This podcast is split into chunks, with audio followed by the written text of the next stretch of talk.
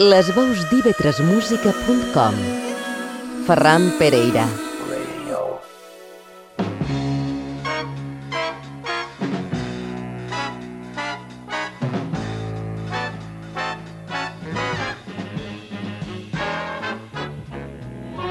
de l'efervescència de la Big Band i de la rotunditat del trio, Ernie Wilkins i Magoy Tyner.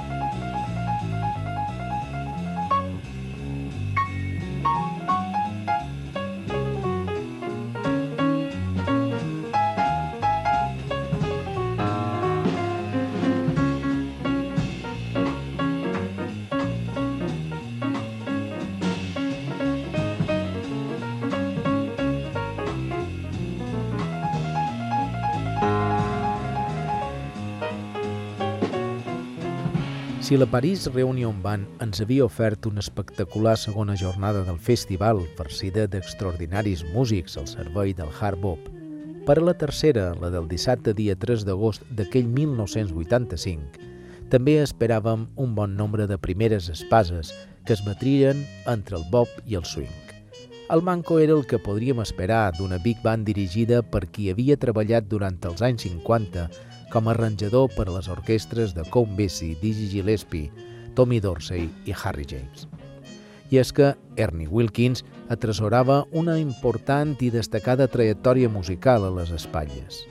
A més, en la seva visita comptava amb el bateria de Chicago, Ed Tippen, el saxofonista de Georgia, Sahib Shihab, el pianista de Nova York, Kenny Dream, que feia doblet, recordem que tan sols cinc dies abans també havia format part de la Paris Reunion Band, i sobretot la figura de Clark Terry, convidat d'excepció com a estrella per unir-se a la Big Band. La relació de Wilkins amb Terry venia de lluny. Des de quan el 1968 Ernie s'havia fet càrrec de la gran orquestra del trompetista de Sant Louis i feia uns 5 anys que havia creat a Copenhague la Almost Big Band amb la que era habitual la participació de Terry i precisament era la formació amb la que aterrava a Palma. Ho explicava la roda de premsa que compartiren en dues figures. Som amics des de fa 40 anys i si en un determinat moment Clark comptà amb mi per la seva orquestra, és molt just i natural que ara jo compti també amb ell. Afegiria també amb una absoluta manca de modèstia. La meva és una de les millors orquestres del món i Terry un dels trompetistes més destacats de tota la història del jazz. Clark Terry, per la seva banda, ens explicava que feia tres anys que havia decidit dissoldre la seva Big Bad Band perquè havia arribat el moment en què ja no podia suportar les despeses econòmiques que suposava la formació, el que afegí Wilkins. Cada dia resulta més car mantenir una Big Band. Terry reconeixia que en els darrers anys ocupava un paper més de freelance i afirma M'agrada qualificar-me com d'autoempleat, alhora que intent cercar un equilibri entre la meva manera d'entendre aquesta música i les característiques de la banda en la que toc. M'agradaria diversificar-me. Si obris camps a la teva música, tens més possibilitats de sentir-te viu. Clark Terry, qui s'havia guanyat un lloc de privilegi en l'escena internacional de jazz ja amb Leonel Hampton, Count Basie o Duke Ellington, el que, per cert, admirava sobretot per la seva extraordinària inspiració, afegir. Les grans bandes compleixen una doble funció. Per una banda, serveix perquè els músics aconsegueixin un so més coaccionat i per l'altra també desenvolupa una missió pedagògica cap a un públic més profà. Ernie Wilkins torna a agafar el fil de la conversa per explicar-nos que la seva major preocupació era que l'orquestra sonés com ho tenia al cap. Sentir la teva música ben tocada és la major satisfacció que es pot produir.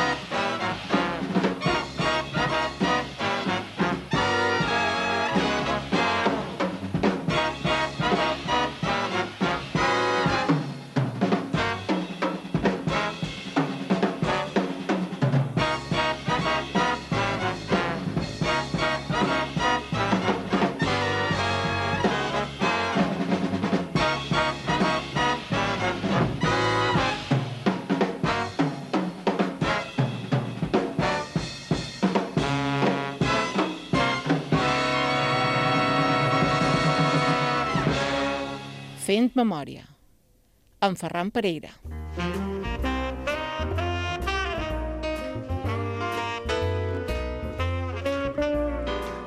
No one to talk with all by myself. No one to walk with, but I'm happy on the shelf. Ain't misbehaving, I'm saving my love for you. Yeah. I know for certain the one I love. I'm with flirting, it's you that I'm thinking of. Ain't misbehaving, saving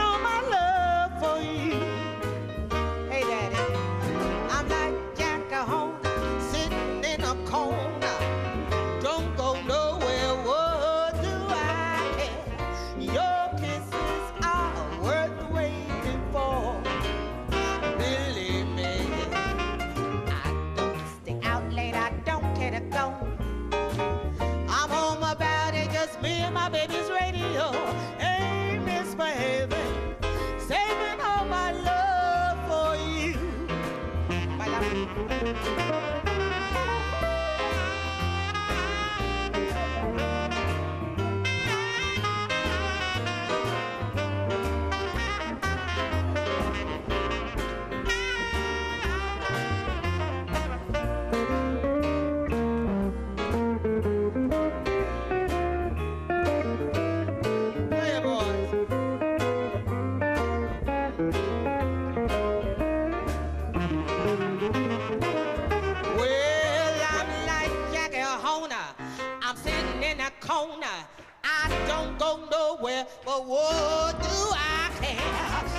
L'encarregada d'encetar musicalment el vespre era Michelle McCain, cantant que ja havien tingut l'oportunitat de sentir abans en el musical I'm Misbehaving. Havia vingut a Palma amb un muntatge, Barnum, un espectacle que combinava elements de música tradicional i números de circ, que s'havia estrenat a Madrid l'any anterior amb la interpretació d'Emilio Aragón. La companyia es desfà precisament a Palma i la cantant aprofita per a conformar un trio i cantar per qualcuna discoteca. La cantant, amb portentós domini de l'escenari, esperonà al públic durant mitja hora, poc temps però el suficient per a deixar palès la seva esplendorosa veu, vibrant i càlida, amb peces com George on My Mind o The Girl from Ipanema.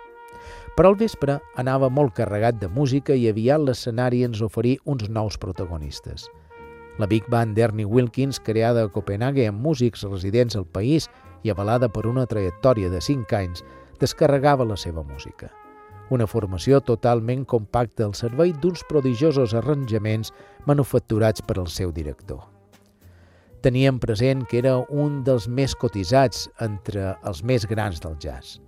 Qui havia canviat la direcció de la Big Band de Count Basie a principis dels 50 estaia al davant nostre, manant una nau sonora formada per grans músics. Kenny Drew, tornant a exposar la sobrietat i exquisidesa del seu estil, ectipen una autèntica màquina de swing com un cor que batega incansable des de la bateria, o Sahib Shihab, equilibrant a la perfecció el so tant en la flauta com amb aquell soprano, o també qualsevol altre registre de les canyes. Una avançada que no deixaria enrere a cap component de la banda, tots a l'alçada de les circumstàncies. Arribà el moment. Clark Terry, aquest convidat d'excessió, protagonitzaria un dels punts més àlgids i platòrics de la vetllada, com la seva intervenció magistral, el Sophistical Lady, que Ellington havia composat el 1932. Al final, la sorpresa. Wilkins deixa la direcció per a passar a formar part, junt amb Terry, la secció rítmica, del quintet que acompanyaria l'extraordinària cantant de Brooklyn, Adrian West, que ens duria fins a altes hores de la matinada en una exitosa tercera jornada.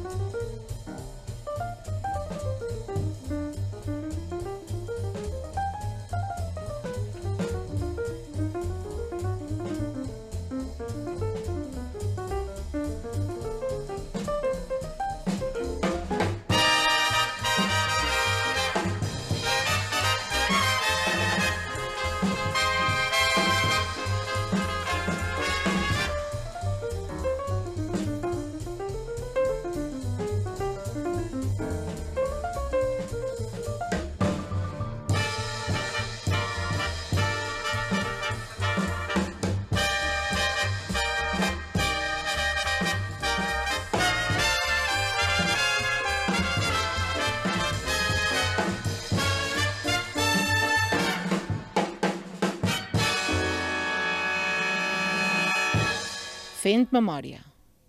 En Ferran Pereira.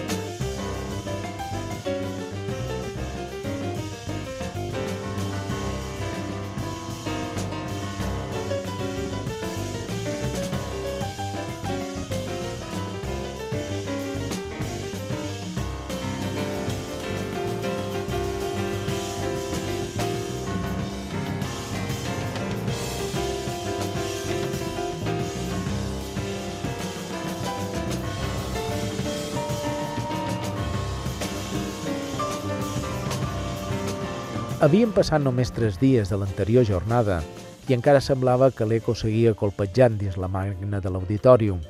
Havien gaudit de valent en la Big Band de Wilkins, però ara tocava el torn el nom més esperat del cartell.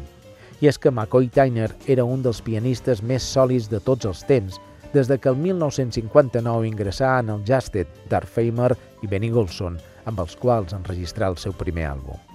I no en parlem, després de que John Coltrane, una vegada deixada la formació de Mike Davis, l'inclogué com a pianista en la seva banda, en la que hi romangué cinc anys.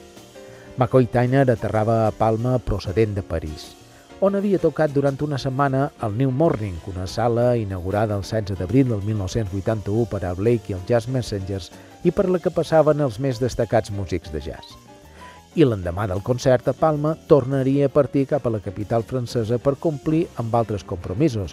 I és que l'activitat de Tyner era intensa, pràcticament 200 concerts anuals, com ens recorda en una roda de premsa realitzada al mateix aeroport a les dues i mitja de la tarda. I entre concert i concert, el poc temps que li quedava, es dedicava a compondre. De fet, ens digué que probablement a la nostra ciutat crearia qualque tema. Lògicament, en la conversa es parlà de Coltrane, el que havia deixat poc temps abans de la seva mort perquè deia que la seva tasca al piano quedava eclipsada per les dues bateries. Però ens reconegué. Mal ja no tornaria a ser pianista de Coltrane, estic molt orgullós d'haver-ho estat. Deixava notar el seu optimisme afirmant també que el jazz està renaixent entre la gent més jove, tot i que també creia que no podia competir en la música pop. Se li demanà per l'electrònica i ens afirmà que el sintetitzador fa música computeritzada amb un petit espai per a crear sonoritats. Ara bé, cap instrument pot ocupar el lloc del piano acústic. Hi ha molta gent que pensa que el futur està en mans de la música electrònica, però jo penso que realment hi haurà una combinació entre els dos. Ens parlà també de la seva poderosa mà esquerra i ens confessà que realment ell era esquerrà i de petit emprava fonamentalment aquesta mà, la qual cosa constituí un avantatge quan començà a tocar el piano a la seva ciutat natal de Filadèlfia. Amb el temps, la mà dreta va anar adquirint rellevància i ara en consider ambidextra, afirma.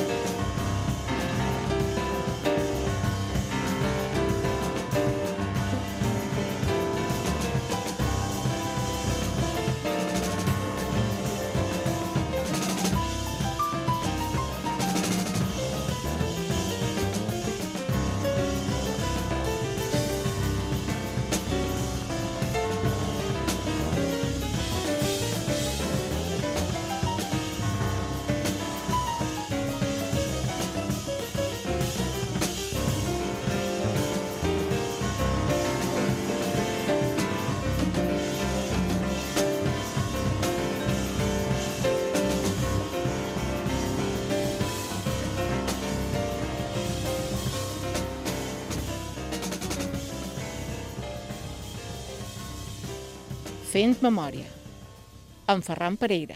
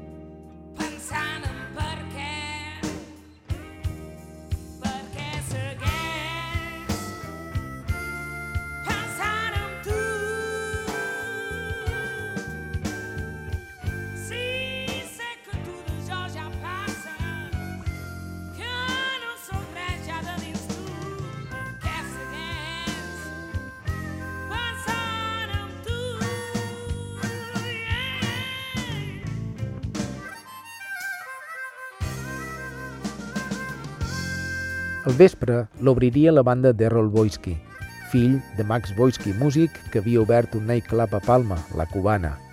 Errol era un guitarrista i cantant que coneixien bé per la seva relació amb la Mònica Coixa Blues Band. Una plantilla generosa de bons músics nacionals i internacionals que pol·lulaven per les illes rubricaren una breu però interessant actuació en temes com She Was Too Good To Me, de Richard Rogers i Lauren Harris, el Georgia on My Mind o Me'n vaig volant, amb la col·laboració de Víctor Uris a l'harmònica. Arribava el moment més esperat. Acompanyat del contrabaixista Avery Sharp, músic jove de gran talent que havia estat deixeble de Riggy Workman quan es decidí per al contrabaix després de tocar piano i acordeó, i Louis Hayes, veterà bateria de Detroit, que entre molts altres, com Sonny Clark, Clifford Jordan, Freddie Hubbard, Cannibal Adderley i Oscar Peterson, havia treballat també en John Coltrane. McCoy Tyner s'apoderava de l'escenari. O millor dit, era el trio, el complet, qui se repartia el protagonisme. Tyner, metòdic i escrupulós en la interpretació, apostava per la melodia, sí, però amb una vitalitat i energia arrabassadora. Original i ferm amb el seu discurs, demostrar unes ganes de tocar quasi desmesurades. Omplir els temes de tanta música com sentiment i comunicació. El seu llenguatge, ric, imaginatiu i melòdic, s'anava confirmant amb una mà esquerra com una rematadora que no deixa que s'escapi cap floc. El públic, que no aconseguia omplir la platea, aplaudí tots i cada un dels solos del mestre. Com també aplaudí a Sharp, un gran explorador de la sonoritat del seu instrument, i a Hayes, impetuós, amb poques contemplacions i amb una fortalesa quasi agressiva. De fet, no era un bateria que toqués moltes portes, sinó que entrava directament com un elefant en una terrisseria. Feia un any i mig que tocaven plegats i es notaven la coordinació i el resultat. Només dues setmanes abans ja havien deixat constància de tot això a València. Una part del públic, Tyner s'havia mostrat massa virtuós i, en canvi, per l'altra, havia estat totalment encertat. Un concert que s'enregistraria per al programa La Buena Música de Ràdio Televisió Espanyola i del que podríem parlar com un d'aquests inoblidables. En definitiva, una ballada de les que crearen afició.